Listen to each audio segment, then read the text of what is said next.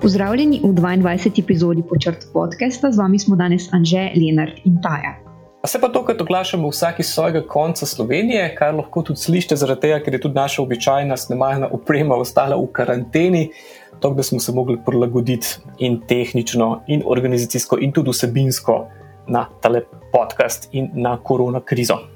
Zdaj, če spremljate naše objave v zadnjih tednih na počrtu, ste verjetno že ugotovili, da ob daljših preiskavah, ki jih sicer objavljamo, objavljamo tudi aktualne vsebine na temo koronavirusa. Osredotočili smo se predvsem na dvoje, na analizo stanja in pa na ukrepe, ki bi jih bilo potrebno sprejeti za zaezitev širjenja pandemije. Najprej smo začeli pregledovati različne podatkovne vire in seveda tudi ugotavljati, s katerimi podatki lahko najbolj zanesljivo ocenimo, kakšno je stanje v državi, koliko ljudi je okuženih, koliko jih bo zbolelo, koliko jih bo potrebovali intenzivno pomoč v bolnišnici in koliko jih bo umrlo.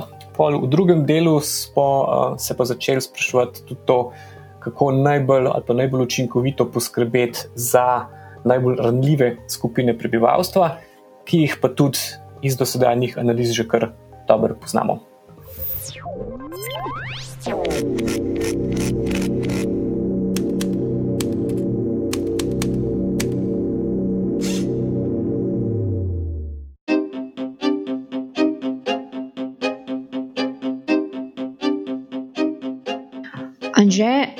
glede na to, da se s temi podatki največ ukvarjaš, ti kakšna je trenutna ocena stanja, kje smo? Ja, če smem iti najprej malo v preteklost, že uh, ob začetku epidemije smo poskušali ugotoviti, koliko je dejansko okuženih um, s koronavirusom v Sloveniji, oziroma dati vsaj neko oceno. Zato, ker so uradne inštitucije dajale ven samo podatke o pozitivnih testih, tistih ljudi, ki so jih testirali za koronavirus, to pa seveda ne zauzame vse populacije, ampak samo določeni ljudi, ki so jih testirali, to so tisti, ki bili recimo s hudimi simptomi, ali pa zdravstveni delavci, ali pa prebivalci domov za starejše. In že pred parimi tedni smo začeli podajati te ocene. Te ocene so se gibale od nekaj tisoč do več kot deset tisoč okuženih, že pred tednom ali dvema. Zdaj imamo na voljo boljše podatke, zato ker imamo tudi več podatkov o hospitaliziranih pacijentih zaradi okužbe s koronavirusom, iz katerih lahko damo malo bolj natančne ocene. Skupno obolelih s tem virusom, seveda pa moramo to poudariti, da so to res še kar samo ocene, da se tukaj ne more govoriti o neki zelo veliki preciznosti. Ampak, si ob vseh teh disclaimerjih, no, se zdaj ne spomnim boljše besede, ki jih lahko bolj podrobno preberete tudi v člankih objavljenih, ali si upamo, da že tudi kakšno oceno stanja, v smislu ena od stvari, ki si jih zapisuje, da tisto, česar smo se najbolj bali in to je italijanski scenarij, se vsaj za enkrat zgleda, pri nas ni zgodil. Mi smo na podlagi hospitaliziranih pacijentov in na podlagi podatkov iz tujine, koliko odstotkov uh, pacijentov z okužbo dejansko rabi bolnišnično oskrbo, oziroma bolnikov z okužbo z novim koronavirusom rabi uh, bolnišnično oskrbo, izračunali, da naj bi bilo trenutno okuženih v Sloveniji okoli 3000 ljudi. Zdaj, pred parimi dnevi je bila ta naša ocena 2842, če smo natančni, kako smo to izračunali, si lahko preberete na naši spletni strani. Zdaj ta ocena je lahko zelo približna, tudi če jih je recimo tisoč več, ne, bi bilo čisto možno, kot to, kar smo mi naračunali. Kažejo pa dejansko te številke, tako naraščanje hospitalizacij, kot naraščanje pozitivnih testov, kot naraščanje ljudi v intenzivni negi da se ta epidemija zagotovo ne širi v Sloveniji tako hitro kot v Italiji.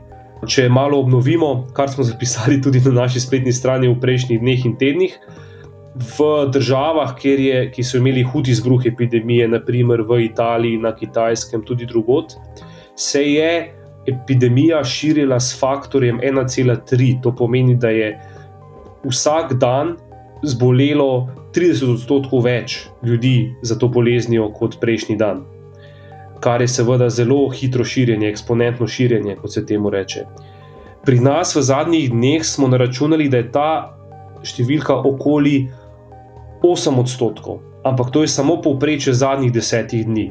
Možno je, da dejansko en posameznik, z, ki je okužen z virusom, povprečno okuži manj kot enega, kar pomeni, da epidemija že upada. Tega še ne vemo, sicer zaradi pomankljivih podatkov in ker podatki o hospitalizacijah zaostajajo za dejansko okuženimi. Ker od okužbe do tega, da te sprejmejo v bolnico, mine povprečno okoli 10 dni.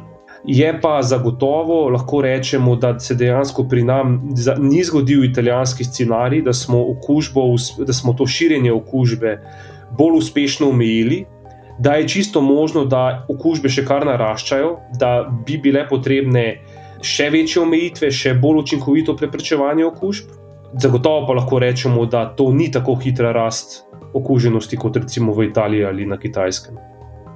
Moje mnenje je sicer, da moramo takrat, ko govorimo o omejitvi širjenja okužbe, imeti v mislih tudi to, kakšna je poseljenost Slovenije, Slovenije v primerjavi z Italijo, predvsem če primerjamo Slovenijo in Lombardijo, kjer je okužba v bistvu najbolj resno izbruhnila in kjer se je pandemija najhitreje širila, da je na, na enakem področju, kot je področje celotne Slovenije, v Lombardiji živi petkrat več prebivalcev kot v Sloveniji, kar mislim, da je tudi pomemben element tega, kako je mogoče na nekem območju širjenje okužbe zaeziti. Kar pa moramo imeti v mislih v Sloveniji, je to, da se okužba, ko govorimo, da se okužba širi, da se okužba ši, hitro širi v določenih predeljih Slovenije.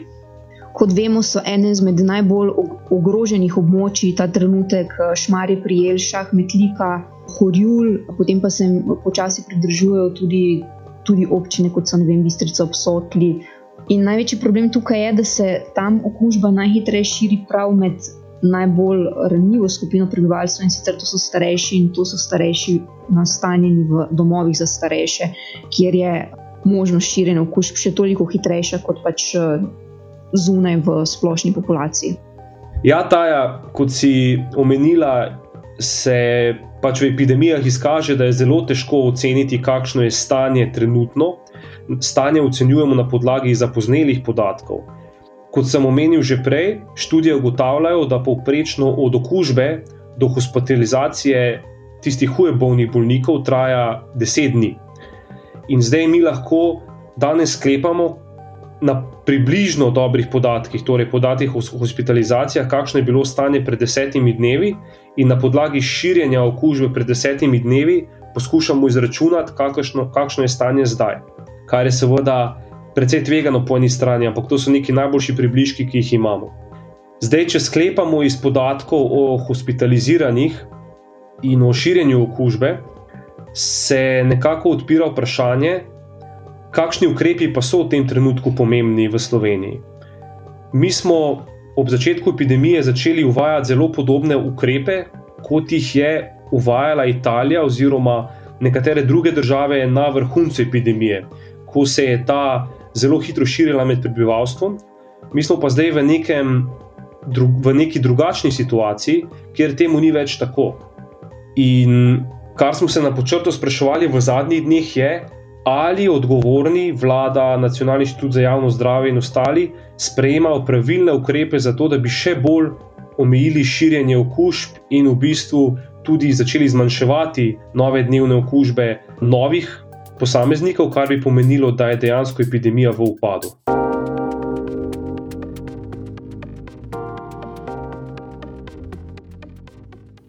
Ukrepe, ki jih je Slovenija do zdaj sprejemala, lahko opišemo in ta izraz se zelo pogosto pojavlja v zadnjem času s ploščenjem krivulje, kar pomeni, eh, da poskušamo s tem, da se ustavi eh, število socialnih stikov med ljudmi in vsi ti ukrepi, ki so zraven od zapiranja lokalov do vsega, da se poskuša to zmanjšati stike med prebivalstvom, da bi se širjenje okužbe tako ustavilo, da ne bi v enem trenutku zboleli preveč ljudi, ki bi potrebovali medicinsko pomoč ali pa sploh kakšno intenzivno nego ali kaj takega, ker bi to pač pripeljalo do zloma zdravstvenega sistema.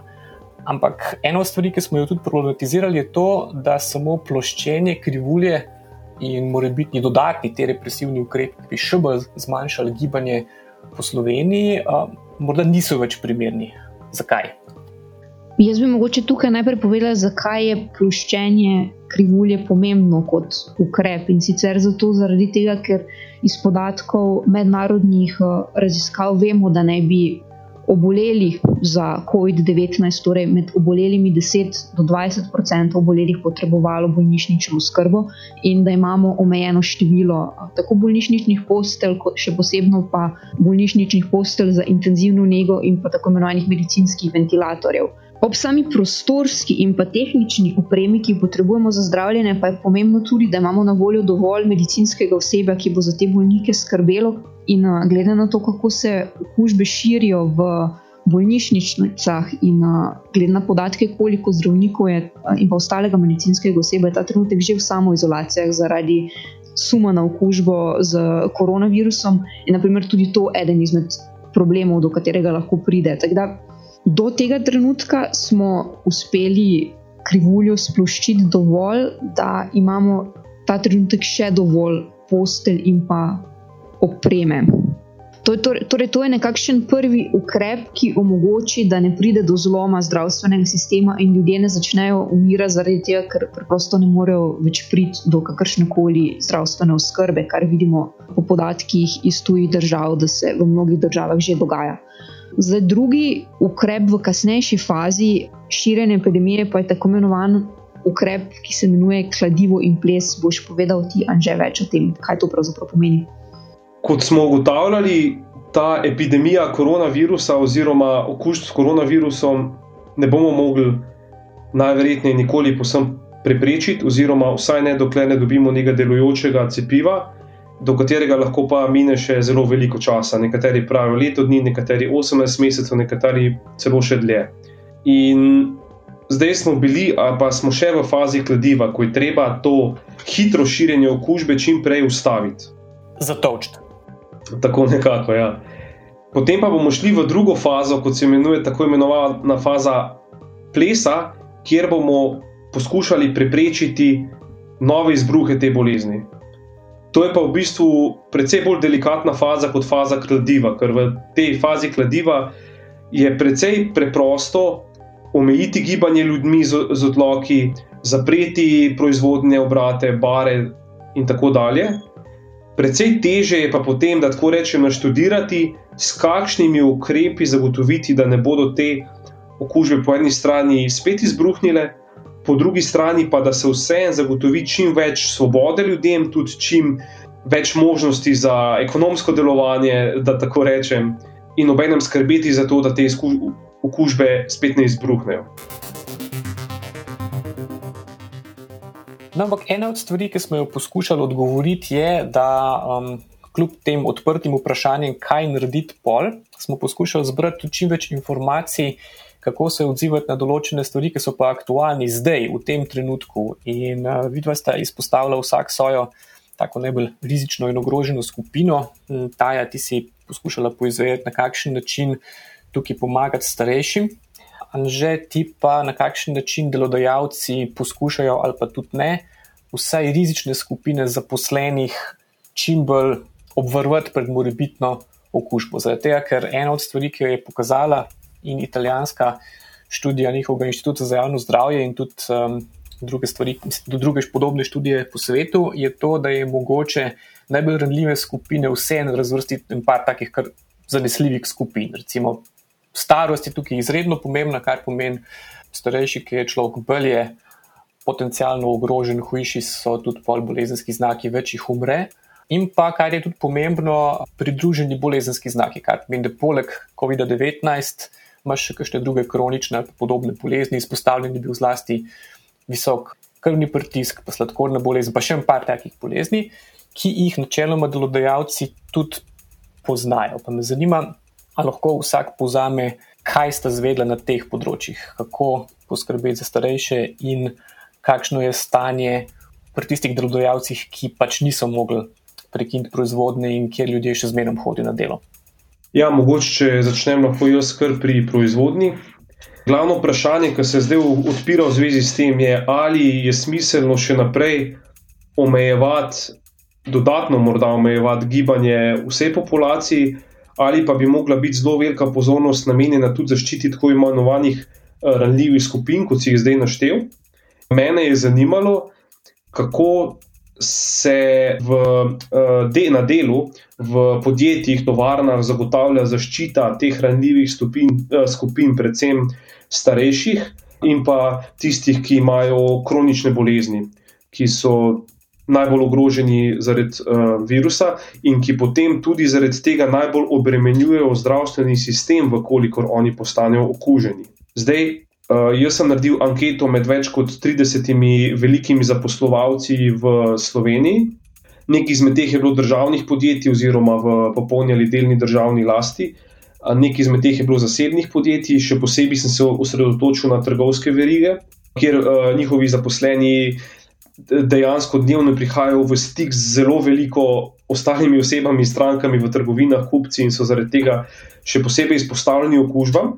In zanimalo me je predvsem, kako so oni ukrepali v zvezi s temi ranljivimi skupinami, ali so starejše kronične bolnike bodi si dali na delovna mesta, kjer nimajo stika z drugimi ljudmi, bodi si so jih umaknili iz uh, delovnega procesa, tako da so jih recimo dali na čakanje če povzameš, kaj so bile glavne ugotovitve. Ena od stvari je to, da si ugotovil, da načeloma podjetja v državni in deli državni lasti v povprečju bolj skrbijo za te ukrepe, ki jih je med drugim predlagalo tudi Ministrstvo za zdravje. Ne poudarim, da jaz sem te. To preiskoval, da tako rečem, na podlagi ankete. Jaz sem podjetjem poslal vprašanja, kako so poskrbeli za te rizične skupine. In res je nastala tako zanimiva ločnica, Velika večina državnih podjetij mi je odgovorila precej natančno in sicer, da so te skupine umaknili iz eh, delovnih mest, ker imajo stike z drugimi ljudmi. Nekateri so jih recimo dali na delovna mesta, kjer lahko delajo od doma, drugi so jih postali na čakanje, na koriščenje dopusta. Pri zasebnih podjetjih je pa zadeva malo drugačna. Nekaj jih je v bistvu zaprlo proizvodno in s tem tudi seveda omejilo stike tudi rizičnim skupinam. Predvsej podjetij, ki pa ni zaprlo proizvodnjo, ali pa skoraj vsa, da tako rečem, ki niso zaprla proizvodnje ali um, nekih teh obratov, kjer delavci pridejo v stik z drugimi. Pa mi niso hoteli natančno odgovoriti, kako so zaščitili te ranljive skupine, torej ali so jih poslali na čakanje, na dopust, umaknili na delovna mesta, ker nimajo stika z drugimi ljudmi. Če grem na hitro še na področje trgovine, vprašali smo tudi vse večje trgovske verige, kako so zaščitile te delavce. Dve sta mi odgovorili, da so jih dejansko umaknili iz delovnih mest, kjer imajo stik z drugimi ljudmi, to sta bila Eurospin in pa trgovska veriga Hofer. Ostali pa mi niso na to odgovorili, oziroma se je lahko sklepa iz njihovih odgovorov, da teh ranljivih skupin niso umaknili od stika z drugimi ljudmi.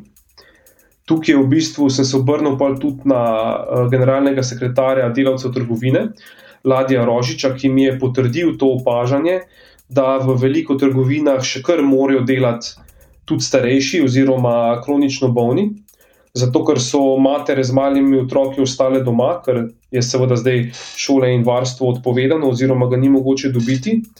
In morajo te njihove delovne zadožitve pogosto prevzemati tudi starejši delavci ali pa takimi, taki zdravstvenimi težavami. Kaj torej to v praksi pomeni stališča širjenja in pa omejevanja širjenja epidemije? Kot je opozorila metoda Dodič Fikfak, dr. metoda Dodič Fikfak, ki je predstojnica Kliničnega inštituta za medicino dela, prometa in športa pri Univerzitetnem kliničnem centru Ljubljana, bi lahko ta industrija, ta podjetja postala novo žarišče uh, širjenja okužb.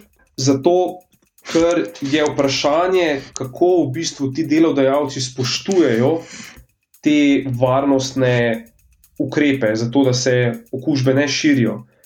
Ker vemo, delavci pogosto delajo v zaprtih prostorih, niso med sabo dovolj oddaljeni, če so pa dovolj oddaljeni za tekočim trakom, se pa morda srečujejo na malci, kjer stojijo eden zraven drugega in se pogovarjajo.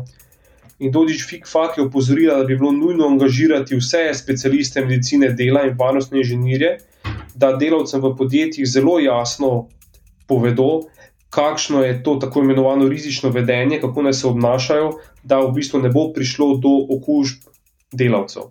Težava pa je, da imamo tu problem z nadzorom. Tukaj bi mogel svoje odreagirati tudi nadzor, konkretno te varnostne razmere, preverjajo inšpektori za delo. In po opažanju dr. Dodič Fikfak se ti inšpektori trenutno odzovejo če jih nekdo opozori, prijavi, da je recimo nekje v, neki, v nekem podjetju ti varnostni standardi niso spoštovani, ne delajo pa nekih rutinskih pregledov. In iz tega gre sklepa, da bi mogla dejansko ali vlada, ali odgovorni, ali kdorkoli predvsej veliko pozornost nameniti temu, kaj se dogaja v proizvodnji, v podjetjih, da bi zamejili širjenje okužb. Ker to se kot kaže, kot sem omenil, kot en nov hotspot, kjer bi se lahko to nadaljevalo.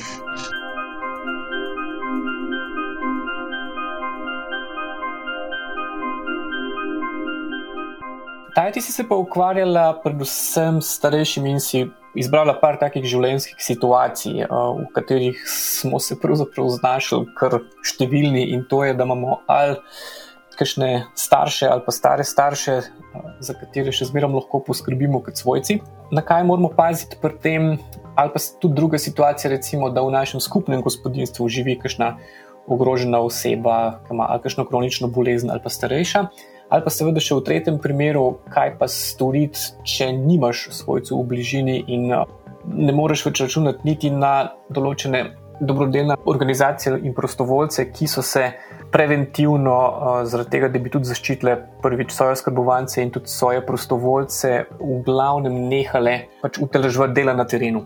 Zdaj, jaz bi tukaj najprej povedala, da po podatkih statističnega urada v Sloveniji vsak peti prebivalec uh, Slovenije starejši od 65 let, tako da imamo veliko skupino ljudi, ki so že zaradi starosti med bolj ogroženimi posamezniki, um, v primeru, da pri njih pride do okužbe s koronavirusom.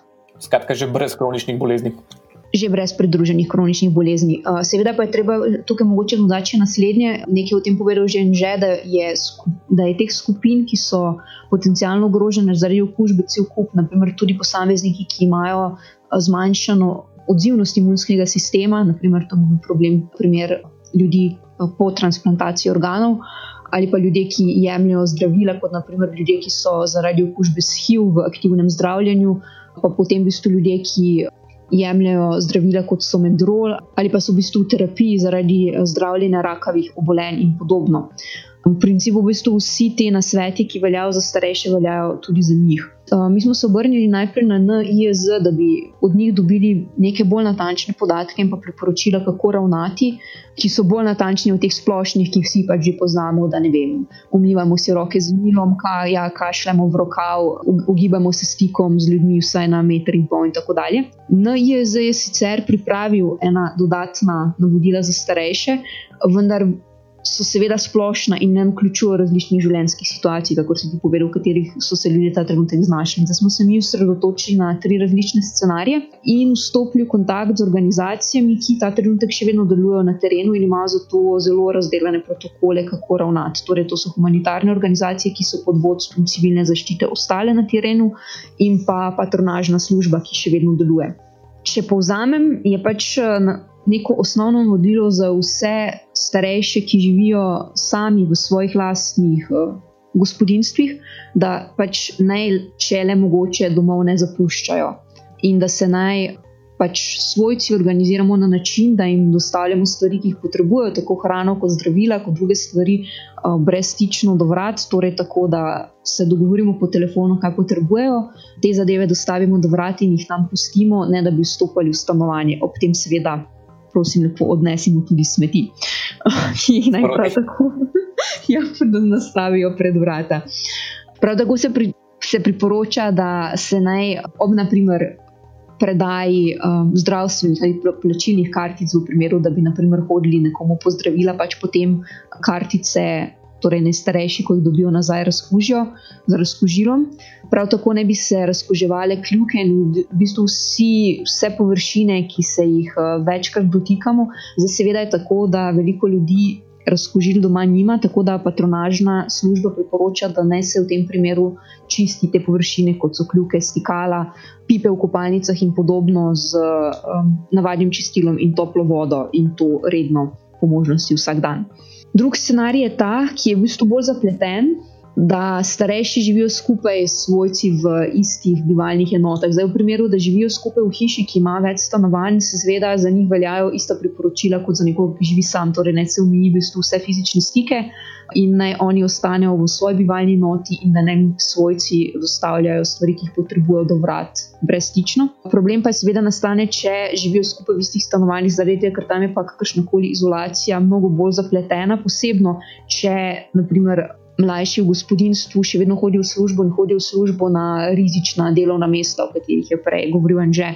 Zdaj priporoča se, da najstarejši v bistvu se samo izolirajo v enem delu stanovanja oziroma prostoru in da se naj čim bolj umijo fizični stiki, koliko je pač mogoče.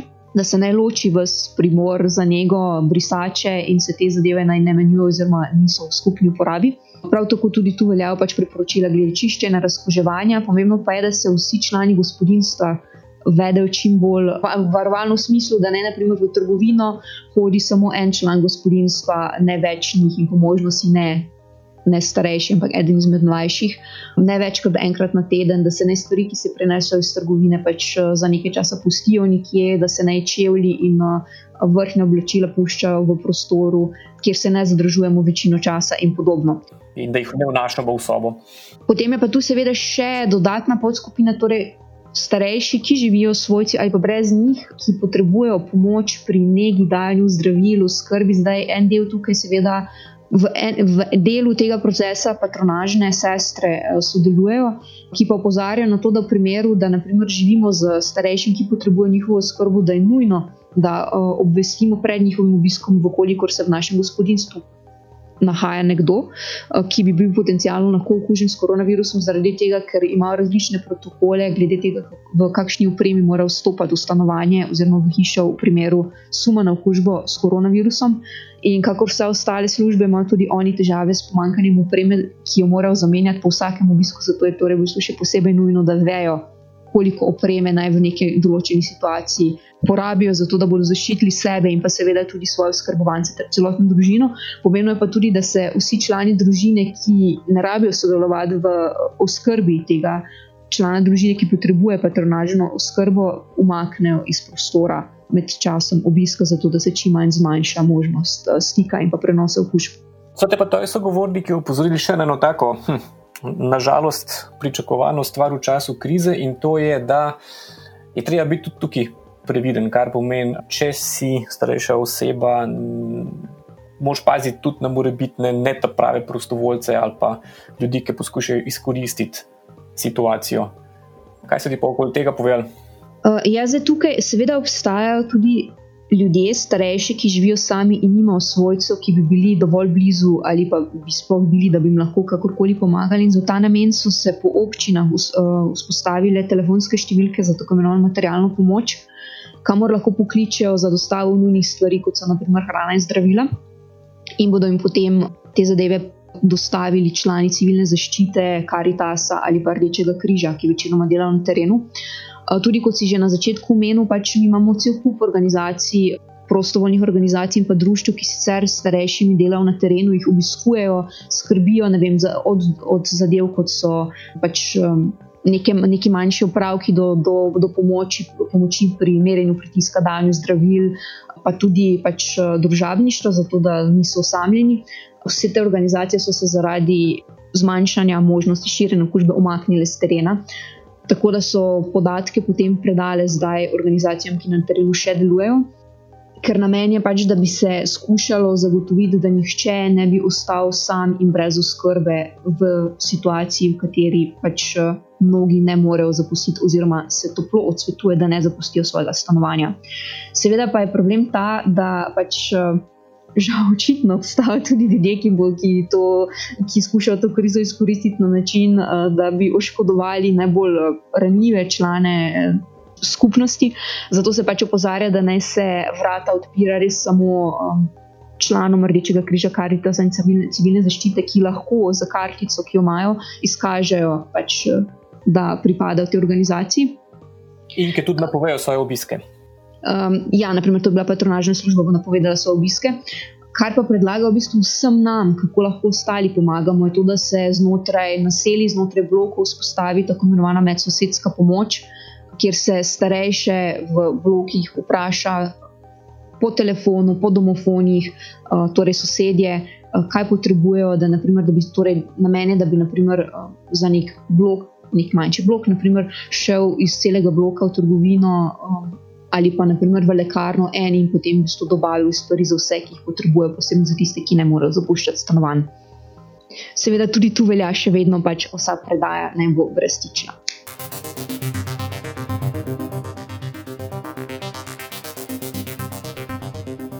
No, ampak, če lahko rečemo, da je bila, da se sklepamo, da je bila ta prva faza tega uporabe kladiva in obejevanja stikov do neke mere uspešna, smo pa bili bolj kritični do tega, da pa vlada se zaenkrat ne samo, da ne kaže kakšnih strateških premislekov, kaj v tej drugi fazi plesa, ampak da tudi sprejema določene ukrepe, ki jih milo rečeno ne razumemo ali jih imamo celo za precej problematične. Že, če že ti to mehko povzameš, kaj si ugotovil med dosedanjo preiskavo. Zdaj, stajo sva opozorila na ti dve kritični točki, kjer se lahko po eni strani dalje širijo okužbe, po drugi strani pa se s koronavirusom okuži tudi ta najranljivejši del prebivalstva, te rizične skupine. Eno je bila ta proizvodna, drugo so bili domovi za starejše. Če se za trenutek fokusiramo na domove za starejše. Tukaj vidimo v preteklih dneh in tednih, da število okužb nezadržno raste. Vlada oziroma minister Gantar je imel pa šele v sredo zvečer ta posvet v Cankarjevem domu, kako omejiti okužbe v domovih za starejše. Pride tudi v medije, prihajajo tudi nasprotujoče informacije, ali je smiselno vzeti oskrbovance domov ali ne kaže se neka zmeda in morda ne dovolj hitro ukrepanje. Po drugi strani smo pa zdaj priča tem debatam v parlamentu, ali poslati vojsko s policijskimi pooblastilami na mejo ali ne, in pa tem omejevanju gibanja po občinah, ki pa nimajo neke zveze z nadaljnim omejevanjem okužb v tej epidemiji koronavirusa. In to je v bistvu nenavadno ali pa celo kontraproduktivno. Zdaj, če se osredotočimo na to omejitev gibanja na posamezno občino, ki je prišla v veljavo prejšnji vikend. Začelo se je tako, da so bila objavljena medijska poročila o tem nekem desantu ljudi na slovensko obalo, kjer naj bi se zelo veliko ljudi v tem lepem sobotnem dnevu uh, vozilo na obalo, tam sprehajalo, s tem ogrožalo druge. Uh, to je bilo zelo podprto z medijskim poročanjem, in na podlagi tega poročanja se je potem vlada po hitrem postopku odločila za omejitev gibanja posameznika na njegovo občino. Potem pa so prišli par dni zatem v javnost, oziroma je kar družba za avtoceste sama objavila te statistike, koliko ljudi je dejansko po števcih na slovenski avtocesti, primorski avtocesti, se odpravilo v soboto na obalo. In v bistvu čez prst izračunano je po avtocesti v soboto proti obali, ne vem, od 9. zjutraj do 2. popovdne, potoval en avto na 3 minute, kar je praktično nič. Tudi slovenski župani so se v preteklih dneh javili, župani na obaljnih občinah, ki so v bistvu zagnali ta alarm v soboto, češ koliko ljudi hodi na obalo in ogroža ostale so se potem malo potegnili nazaj, da tako rečem, in povedali, da ja, je pa res, da v mestnih središčih ni bilo zelo veliko ljudi, tudi na sprehajalnih poteh ni bilo zelo veliko ljudi, torej dejansko ni bilo te grožnje zdravju. Ampak vseeno se je pa potem vlada odločila na hitro sprejeti ta ukrep omejevanja gibanja na posamezne občine. Potem je prišla tukaj še to nadaljevanje te zgodbe, ko je direktor Nacionalnega inštituta za javno zdravje javno povedal v mladini, da ta zaostritev ukrepov ni bila potrebna in ne bi se zdaj že znašel v nemilosti te nove vlade. Torej, tukaj oni ne govorijo z enim glasom, ampak ministr za zdravje, ministr za notrne zadeve govorita nekaj, nacionalni inštitut govori nekaj drugega, kar je v bistvu ne daje nekega zaupanja v tem, da se trenutno sprejema prave in nujne ukrepe to nas, nas lahko navdaja z nekim nezaupanjem, da se morda odgovorni bolj posvečajo tem izjemno restriktivnim ukrepom na ravni vseh, ne posvečajo se pa dovolj temu, v bistvu, kako dejansko zaeziti te najbolj tvegane prenose okužb, žarišča. Ne? Zato, ker mi zdaj nismo več, še enkrat poudarjam, kot kažejo podatki, v tej fazi nezadržnega, hitrega širjenja okužb po Sloveniji, ampak so potrebna bolj, bolj fine, bolj, bi rekel, kompleksne, ampak bolj fine rešitve, ki bi lahko zdaj to zaustavili nadaljno širjenje. Če smem recimo samo nakazati, če tukaj primer eh, Singapurja, ki je bil opisan v eni izmed publikacij, ker imajo oni zelo kompleksno preprečevanje širjenja okužb s tem, da kombinirajo zelo veliko testiranja okuženih in potencialno okuženih z tem nekim sofisticiranjem, načinom poročanja vseh bolnišnic, ko pride nekdo v bolnišnico z simptomi eh, bolezni COVID-19, da takoj vejo, kako ravnati, koga opozoriti, poiskati njegove stike z drugimi ljudmi, ki bi lahko bili potencialno okuženi. In tudi iz študije Singapurja vidimo, da oni kot potencialni stik nek rizičen stik okuženega z drugo osebo, jemljejo nek stik osebe z drugo osebo, ki je daljši od 30 minut in bližji kot na 2 metra. Zdaj, veliko sprehajalcev, da tako rečem, na primorskem prejšnjem tednu, seveda, praktično vsi niso izpolnjevali tega rizičnega kontakta, da tako rečemo. In vlada, po mojem, odgovorni bi se mogli predvsem zdaj začeti zelo hitro spraševati, kako v Sloveniji upeljati take sofisticirane, kompleksne rešitve, ki imajo pa, kot vidimo iz Azije, zelo velik učinek, pozitiven učinek na preprečevanje širjenja epidemije. Ampak v bistvu, kar mene osebno skrbi, je, da teh debat trenutno še kar v medijih, v, v vladi uh, ni, oziroma vsaj mi za njih ne slišimo, še kar se ukvarjamo s tem s temi drugimi vprašanji vojske, omejevanja gibanja v, um, v bistvu za vse prebivalstve, pre, prebivalce, medtem ko bi se, po mojem mnenju in po izkušnjah iz tujine, morali zelo resno začeti ukvarjati z vprašanjem, kako preprečevati okužbe med najbolj rizičnimi skupinami v domovih za starejše, tam, kjer se veliko ljudi še kar druži, to pomeni v podjetjih, v industrijah, in kako začeti čim prej. Rahljati na podlagi, seveda, nekih dobrih analiz, rahljati te ukrepe za vso prebivalstvo.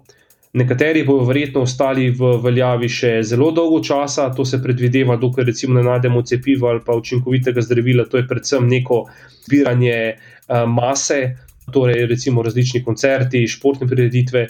Nekatere bi se pa verjetno v nekem doglednem času že lahko uh, pričelo z rahljanjem, ampak zato, ker se trenutno noben s tem ne ukvarja pri nas od odgovornih, oziroma vse tako zgleda, je vprašanje, kdaj bomo to začeli rahljati. Um, jaz bi se mogoče tukaj navezala še na Lenartovo prvo vprašanje. Mi v bistvu ta trenutek ne trdimo, da smo v fazi plesa, mi smo še vedno v fazi širjenja epidemije.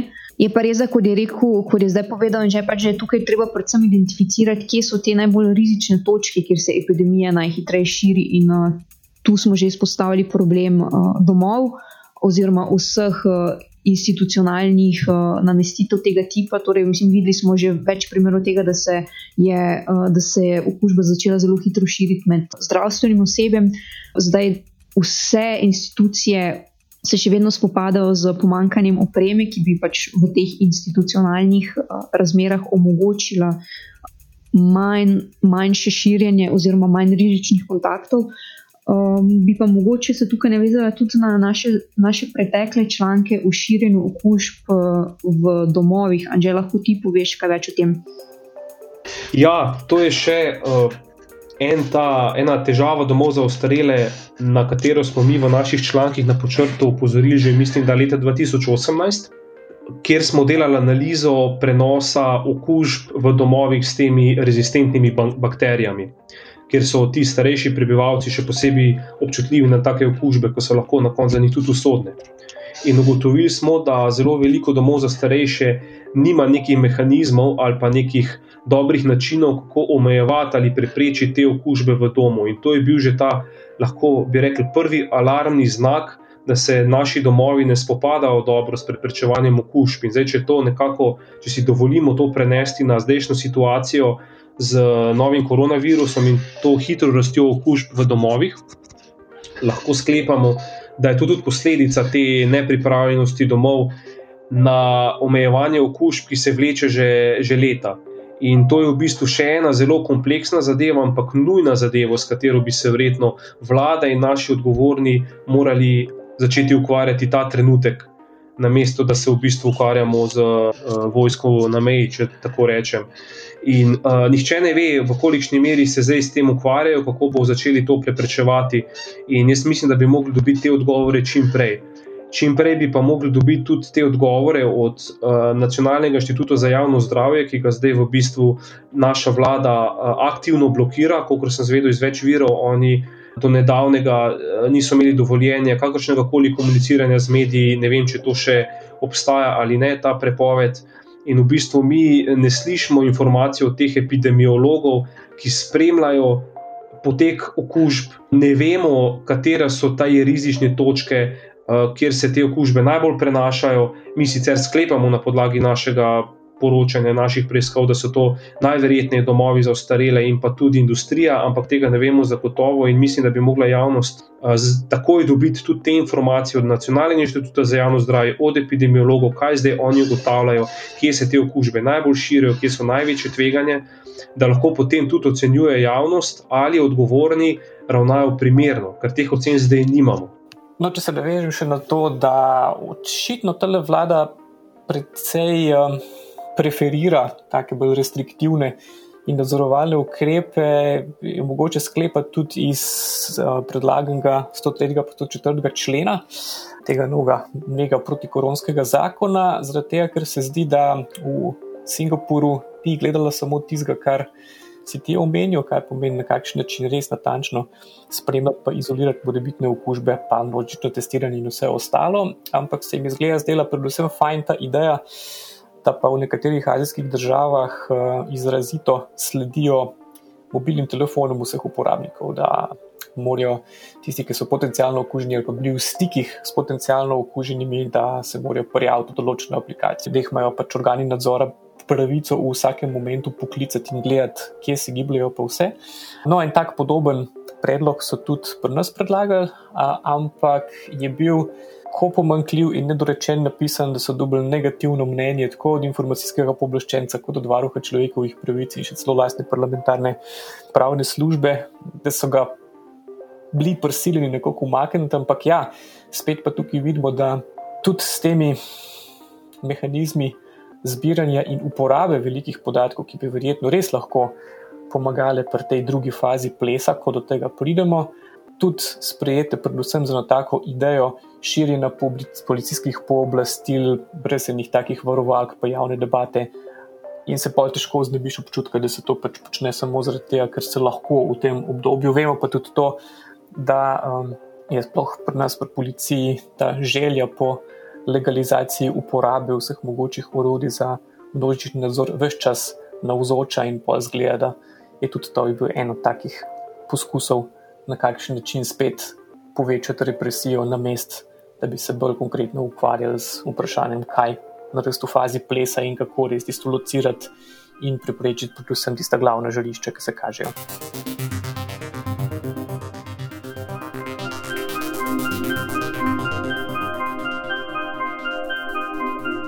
To je bila 22. epizoda Počrto podcasta, prva epizoda, ki smo posneli v samoizolaciji. Mi bomo v naslednjih dneh in tednih nadaljevali z zbiranjem podatkov, analizami in pa novimi informacijami, ki bomo jih na, na temo pandemije koronavirusa objavljali na počrtu.si. Z vami smo bili vsake svojega konca Slovenije, Anže, Taja in Lenart.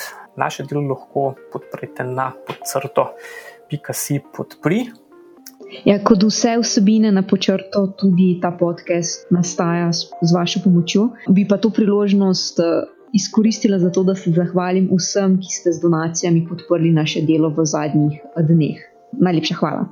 Mi se verjetno hmalo slišimo v prejšnji od novih epizod posebnega protikoronskega oziroma koronskega podcasta, vi pa ostanite zdravi. Thank you.